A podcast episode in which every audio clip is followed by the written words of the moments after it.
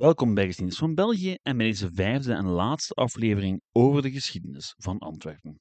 Vandaag ronden we dit reeksje af met de 19e en 20e eeuw. Of hoe Antwerpen zijn glorie van weleer zou terugvinden en genoeg moed zou kunnen verzamelen om zichzelf als stad en de rest als parking te bestempelen. Passeren in deze aflevering een hele collectie van dokken en sluizen, bombardementen, de industriële revolutie, Congo, wereldtentoonstellingen, zeppelins en Olympische Spelen. Dat en nog veel meer in deze aflevering van Geschiedenis van België.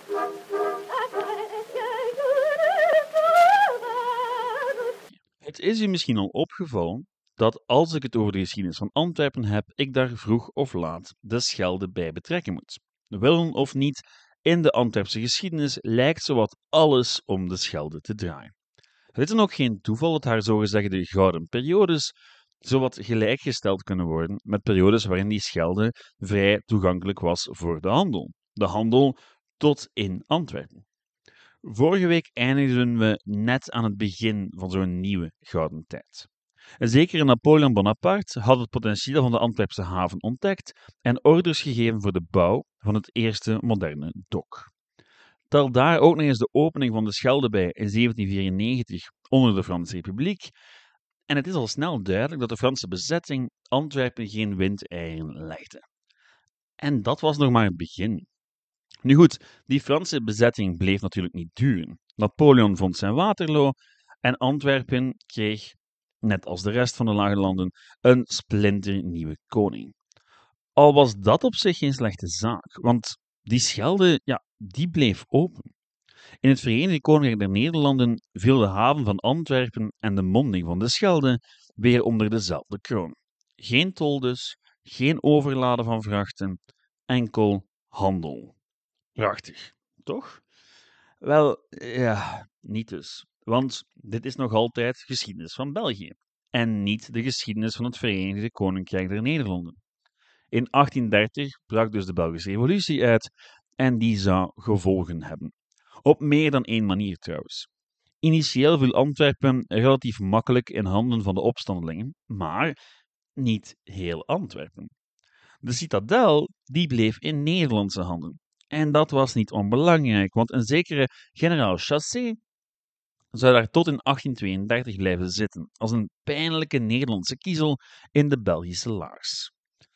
Wat ons brengt tot bombardement 1 van 3 in de aflevering van vandaag. Afhankelijk van wie je gelooft, werd Chassé geprovoceerd door opstandelingen die zijn fort maar bleven beschieten, of opende hij, gewoon uit op bloedvergieten, zomaar het vuur op de Antwerpse binnenstad. Wat er ook van zij, het resultaat was desastreus, en een deel van de stad werd in de as gelegd, inclusief de 700 jaar oude Sint-Michielsabdij. Na dat voorval werd een zeer duidelijke wapenstilstand afgesproken, maar de Nederlanders hadden zowat elke vorm van Belgische sympathie verloren.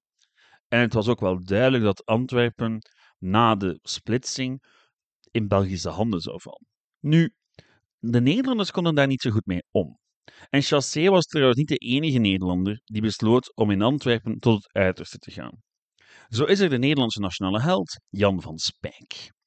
Een naam waar menig Belg nog nooit van gehoord heeft, maar in 1831 was hij voor Nederland de nieuwe nationale held. Tijdens de Belgische Revolutie was Van Spijk kapitein van een schip dat de Schelde moest controleren. Hij moest er voor zorgen dat er niks Antwerpen binnenkwam. Nu, op 5 februari 1831 ging het mis. De harde noorderwind dreef zijn schip naar de oever en al vlug stormde er een horde woedende Antwerpse havenarbeiders en militieleden op het schip af. En hou je vast voor wat nu volgt, want het lijkt iets als uit een Hollywoodfilm. Van Spijk zou zeer rustig een sigaar genomen hebben, een excuus uitgevonden hebben om naar het ruim te gaan en daar met zijn sigaar een vat buskruid te hebben aangestoken met de legendarische laatste woorden en een infame Brabander worden, dan liever de luchten. Waarop hij zichzelf opblies, met schip en al. Nu, het is een mythe die later uitgesponnen is in de Nederlandse media om het ja, elan en de volkstrots wat op te krikken, nadat men definitief afscheid moest nemen van België. Nu, de woorden dan liever de lucht in, die kwamen eerder van een brief die Van Spijk naar zijn nicht schreef, maar de legende was geboren en zou gebruikt worden. Nu, de hele gespannen situatie in en rond Antwerpen kwam pas in 1832 tot een einde, toen de door de Nederlanders bezette citadel eindelijk viel. Aan de Fransen. Want ja, het Belgische leger trok nog op niet veel, dus waren de Fransen op vraag van de Belgische staat tot in Antwerpen opgerukt om er met monstermortieren eindelijk een einde te maken aan het verlengde verblijf van generaal Chassé. Maar goed, met de val van de citadel kon Antwerpen eindelijk aan een nieuw hoofdstuk beginnen. Een Belgisch hoofdstuk en, zeer belangrijk, eentje met een open schelde. Wel, min of meer open in elk geval. Want hoe open die schelde wel zijn kon, was natuurlijk onderwerp van heel wat discussie. Tot op de dag van vandaag eigenlijk. In 1815 was de kwestie in theorie volledig geregeld geweest. In de slotakte van het Congres van Wenen werd de vrije scheepsvaart op de Europese rivieren ingeschreven. Zeer mooi in theorie natuurlijk, maar toen de Belgische Revolutie uitbrak, werd die schelde onmiddellijk dichtgegooid. En het duurde tot 1839 en het zogezegde scheidingsverdrag dat die vrije scheepvaart opnieuw werd erkend. Zij het met een belangrijk hiaat. De Nederlanders mochten tol heffen en beide landen waren verantwoordelijk voor het bevaarbaar houden van de rivier. Die tol zou er uiteindelijk aan geloven in 1863, onder druk van de Engelsen die rond die periode zowat alle tollen uit de wereld probeerden te krijgen, zo ook in Antwerpen. Al vroegen de Nederlanders wel een prijs. Want ja, zo'n tol die kon over de eeuwen heen zeer veel geld opbrengen. De prijs was 17.141.640 gulden. Omgezet naar euro's en aangepast voor inflatie, zo'n 200 miljoen euro. Niet slecht eigenlijk. Blijkbaar volstond dat bedrag om de middeleeuwse tolrechten voor eens en voor altijd af te kopen. En goed, dat betekende dus dat de handel op de Schelde weer volledig vrij was. Maar het boeiende aan de hele zaak is dat het niet enkel de Belgische staat of de stad Antwerpen was die die som neerlegde. Maar liefst 21 landen betaalden mee. En dat zegt eigenlijk alles over het belang van de Antwerpse haven in de ontluikende wereldhandel van de tweede helft van de 19e eeuw. Kijk, tegen die tijd was er een tweede industriële revolutie. En die ging gepaard met een nieuwe globaliseringsgolf. Eentje die in de eerste plaats rustte op de internationale handel. En een belangrijk principe van die nieuwe economische welvaart was dat goederen moesten kunnen gaan en staan waar het meeste naar gevraagd werd. En ouderwetse zaken als tolgeld waren daar een te grote hindernis voor. En je kan duidelijk zien dat zeer veel landen daarin meegingen als je kijkt naar wie wat betaalde om die tol af te kopen. Op het einde van de rit betaalde België een derde van de prijs, Engeland een vierde en werd de rest verdeeld onder, hou vast, Argentinië, Brazilië, Bremen, Chili, Denemarken, Ecuador, Frankrijk, Griekenland, Hamburg, Hannover, Italië, Lübeck, Mecklenburg-Schwerin, Noorwegen, Oldenburg, Oostenrijk, de Pauselijke Staten, Peru, Portugal, Pruisen, Rusland, Spanje, Turkije, de Verenigde Staten en Zweden. Allemaal staten die gebaat waren bij de afschaffing van de tol. Op hoe het succes van de Antwerpse haven mee afgekocht werd door haar voornaamste klanten. En de Antwerpenaren, wel, die konden hun geluk niet op. Wat u nog altijd kan zien trouwens, aan de Marnixplaats. Dit is een rotonde in het centrum van Antwerpen met in het midden een joekel van een monument. 20 meter hoog, 15 centimeter lang, 15 meter breed. Het monument zelf is een obelisk met zeegod Neptunus, handelsgod Mercurius, een naakte vrouw, portretten van belangrijke politici en volgend opschrift. 1863. Schelde vrij. De plaatsing van het monument is trouwens ook niet toevallig, want het Marnixplein is genoemd naar Marnix van Sint-Aldegonde, burgemeester van Antwerpen in, jawel, 1585, het jaar van de sluiting van de Schelde. Al die hoogdravende symboliek toont mooi aan hoe belangrijk de Antwerpenaren de opening van de Schelde vonden. Al was de ommekeer dan eigenlijk al een tijdje bezig. Getuige daarvan de bouw van de Kattendijksluis in 1858 om grote vrachtschepen tot in Antwerpen te krijgen. Want de vrachtschepen van de 19e eeuw waren van een heel ander formaat dan die van de 16e of de 17e. De industriële revolutie zorgde ervoor dat men meer goederen dan ooit over langere afstanden dan ooit vervoeren moest. En dat daarbij dan aan Antwerpen werd gedacht, was helemaal geen toeval. Het zuiden van België, het noorden van Frankrijk en het westen van Duitsland waren zowat de meest geïndustrialiseerde regio's van continentaal Europa. En welke haven lag zowat pal in het midden van die drie regio's? Juist, Antwerpen. Hamburg en Rotterdam waren even goed draaischijven, maar er was zoveel handel dat de nood voor een derde grote Noord-Europese zeehaven zich al snel liet voelen halverwege de 19e eeuw. Grondstoffen en afwerkte producten gingen van over de hele wereld van en naar Antwerpen. Of waarom maar liefst 21 landen Antwerpen hielpen om die Nederlandse tolgelden af te betalen. En met al die nieuwe handel kwam ook nieuwe infrastructuur.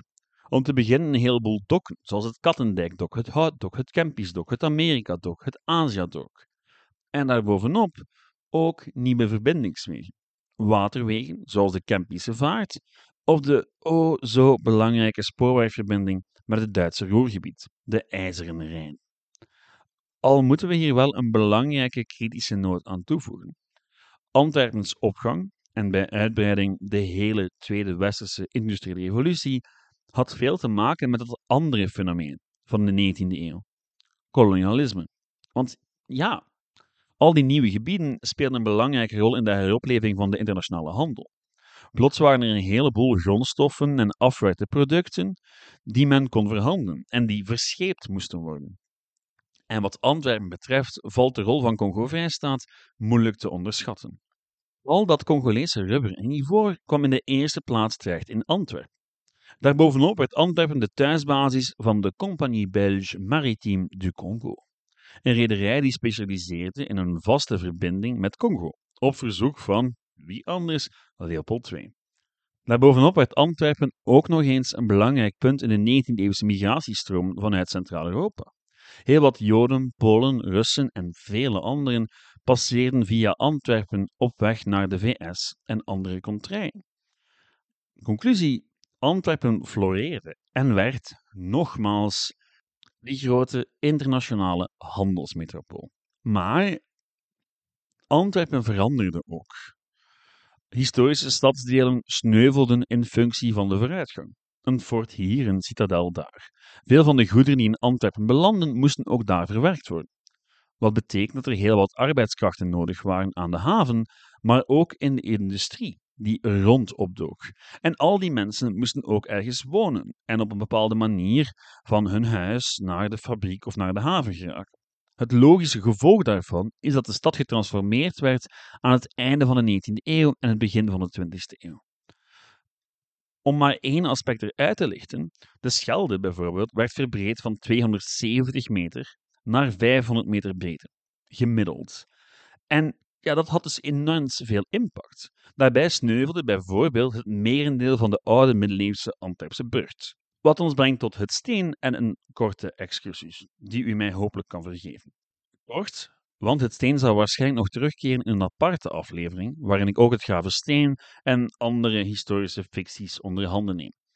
Antwerpse geschiedenis kwam recent het meest in het nieuws bekend werd dat er aan het steen een nieuw, modern bezoekerscentrum bijgebouwd zou worden.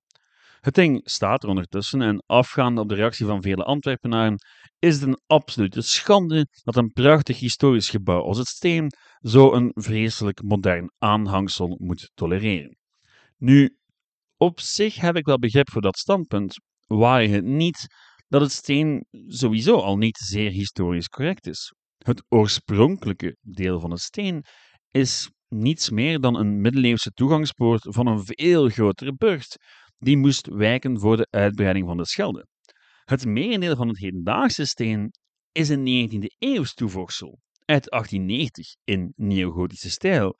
Dus ja, hoe boos kan je dan worden over dat moderne bezoekerscentrum? Feit is dat historisch erfgoed in een moderne, bruisende en actieve stad zoals Antwerpen of Gent altijd veel ingewikkelder is dan in een openluchtmuseum, zoals Brugge bijvoorbeeld. Een heldere scheiding tussen modern en historisch is in zo'n levende stad niet alleen onmogelijk, maar ook zeer onpraktisch. Nu, ik stop hier, vooraleer ik hem laat meeslepen en niet meer toekom aan de rest van het Antwerpse verhaal. Over een aflevering of twee denk ik dat ik dit verhaal verder uit de doeken zal doen. Goed, alles bij elkaar genomen was de tweede helft van de 19e eeuw dus de echte gouden eeuw van Antwerpen. Al zijn ook daar een aantal opmerkingen bij te plaatsen. De nieuwe welvaart was ook niet bijster stabiel. Antwerpen was nu eenmaal afhankelijk van de wereldhandel en als die stilviel, tja, Antwerpen dus ook. Maar na elke crisis kwam een nieuwe bloei. En met elke bloei ook een nieuwe lichting prachtige gebouwen, zoals bijvoorbeeld het station Antwerpen Centraal. Gloriemomenten in die periode waren ook de wereldtentoonstellingen, die van 1885 en 1894. Na die gloriejaren kwam uiteindelijk de Eerste Wereldoorlog, met bombardement door een Zeppelin, vlak voor de Duitsers de stad zelf aanvielen. Ironisch genoeg kwam een van de hoogtepunten van de Antwerpse geschiedenis vlak na die oorlog, namelijk de Olympische Zomerspelen van 1920. De aanwezigheid van die Spelen in Antwerpen en bij uitbreiding België was natuurlijk in de eerste plaats symbolisch, maar dat maakte de Antwerpenaar niet minder trots natuurlijk. Tijdens het interbellum bloeide de haven al snel weer open, tot de depressie natuurlijk. Maar een teken van die grote bloei was de Boerentoren en een derde wereldtentoonstelling. Die Boerentoren was trouwens een van de eerste grote wolkenkrabbers van Europa en op dat moment echt een symbool van Antwerpens eeuwige vernieuwingsdrang. Nu, wie het over het interbellum heeft, moet het vroeg of laat ook over de Tweede Wereldoorlog hebben. En die was in Antwerpen op zijn zachtst woelig te noemen. Niet dat er bijster veel gevochten werd bij de inname van Antwerpen, maar de bezetting zou zijn sporen nalaten. Niet in het minst voor de Joodse bevolking van de stad. De continue stroom van Joden richting de Antwerpse haven had ervoor gezorgd dat een heleboel niet het schip had genomen richting de VS, maar in de koekenstad was blijven hangen. De Jodenster werd geïntroduceerd in 1942 en maakte doelbewuste discriminatie en later ook deportatie mogelijk. Tevoren was het Joden als verboden om handel te drijven of functies uit te oefenen binnen openbare dienst. Vanaf 1942 vonden er ook razzia's plaats. Al het bovenstaande geldt niet alleen voor Antwerpen, maar werd in Antwerpen het meeste gevoeld. Let op, niet omdat er per se zoveel meer Joden in Antwerpen woonden dan elders, maar vooral omdat de Antwerpse overheden een stuk gewilliger bleken dan hun, bijvoorbeeld, Brusselse collega's. Bij de grote razzia's in augustus en september van 1942 werden met hulp van Antwerpse gemeentediensten en de politie Joden gearresteerd en vervolgens gedeporteerd. Al collaboreerde zeker niet elke Antwerpenaar. Het verzet en de kerk probeerden zoveel mogelijk Joden te redden, inclusief heel wat politieagenten die probeerden tussen te kwamen, bijvoorbeeld in Veurne. Al is de eindbalans wat Antwerpen betreft wel heel zwaar. 65,88% van de Antwerpse Joden werden gedeporteerd. Dat is twee keer zo hoog als in Brussel, Luik of Charleroi. De beslissing van het collaborerende stadsbestuur om in mei 1941 Joden te registreren op een aparte lijst had een ongelooflijk grote impact. Ik zou hier nog veel meer over kunnen vertellen, maar dit onderwerp is zo gecompliceerd dat het een eigen aflevering verdient. De hele tragiek van de Holocaust in België laat zich immers niet vatten in een klein deeltje van een ander verhaal. Er zijn meer dan genoeg experts en boeken die hierover vertellen en ik plan dus ook om daar vroeg of laat mee aan de slag te gaan. Nu, het einde van de oorlog zou komen, ook voor Antwerpen, maar niet zonder pijn. Tussen 7 oktober 1944 en 30 maart 1945 vielen V1 en V2-bommen op de stad. De stad was ondertussen al bevrijd, maar haar haven zorgde ervoor dat ze een belangrijk doelwit was voor Duitse bombardementen. In die haven werden dagelijks meer en meer mannen, tanks en wapens uitgeladen. Allemaal op weg naar het front. De 3709 V-bommen die tijdens deze periode op Antwerpen vielen, richtten onnoemelijk veel schade aan. Duizenden Antwerpenaren lieten tijdens die periode nog het leven. In een oorlog die eigenlijk al grotendeels gestreden was. Op 16 december viel een bom op Cinema Rex met 566 doden als gevolg. In één klap. Na de oorlog zou Antwerpen zich weer bij elkaar rapen en verbond ze haar lot als vanouds opnieuw aan de wereldeconomie. Om relevant te blijven was er natuurlijk de schier eeuwige havenuitbreiding. Sluis na sluis, dok na dok. In die mate zelfs een heleboel polderdorpen zoals Oosterveel, Oorderen en Lilo baan moesten ruimen. Zie daarvoor aflevering 14 over doel. Daar doe ik dat hele verhaal al uit te doeken. En in de tussentijd bleef Antwerpen zichzelf maar heruitvinden. Tot de dag van vandaag. Denk maar aan het MAS, het Wetstarline Museum enzovoort. Maar goed, dan zijn we de geschiedenis natuurlijk al uit. En dat was het voorlopig ook voor de geschiedenis van de stad Antwerpen. Dit was in geen geval een volledig overzicht, maar een degelijke algemene inleiding, hoop ik. Al heb ik, toegegeven, me hier en daar wat laten afleiden door enkele uiterst boeiende hoofdstukjes in de 16e eeuw. Maar goed, er is nog zoveel meer om het over te hebben. De rol van Antwerpen in de geschiedenis van het Vlaams nationalisme, of het Vlaams socialisme trouwens, de Olympische Spelen, Antwerpens verkeerssituatie of het Antwerps als dialect. Zwat, het zal voor een andere keer zijn. Volgende week krijgt u normaal gezien een interview te horen en de week daarna hebben we het over de geschiedenis van het Nederlands. Bedankt voor het luisteren. Bedankt ook aan iedereen die me recent een mail of een bericht stuurde met een bedankje. Dat wordt zeer gewaardeerd. U kan uw lofbetuigingen of suggesties toevoegen via geschiedenisvan.life.be, het e-mailadres, Facebook Geschiedenis van België of via de website geschiedenisvan.be. Bedankt voor het luisteren en tot de volgende. Ciao!